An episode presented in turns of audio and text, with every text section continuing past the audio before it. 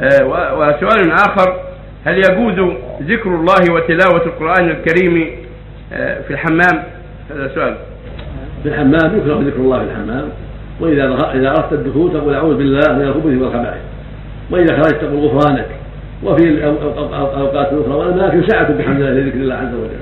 عندك أوقات كثيرة وعندك أماكن كثيرة للحمام تتسع لذكر الله وقراءة القرآن. أما إذا دخلت الحمام تقول أعوذ بالله عند الدخول أعوذ بالله من الخبث والخبائث ثم تقضي حاجتك وأنت ساكت أو مفكر في طاعة الله مفكر بما ينفعك. التفكير لا لا يضر. تفكيره في قلبك وأنت في حاجة لا لا لا لا, لا مانع منه. والتفكير في القلب ذكر نوع من الذكر. يفكر في قلبه فيما يجب فيما يجب عليه فيما سمع من الفائدة فيما سمع من القرآن. يفكر في قلبه ويتدبر وينظر ماذا حفظ ماذا حصل من الخير.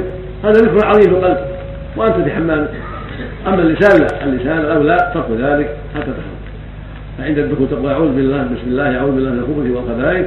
وعند الدخول تقول غفرانك كما جاءت في الأحاديث. وفي داخل الحمام تسكت وتفكر بقلبك فيما ينفعك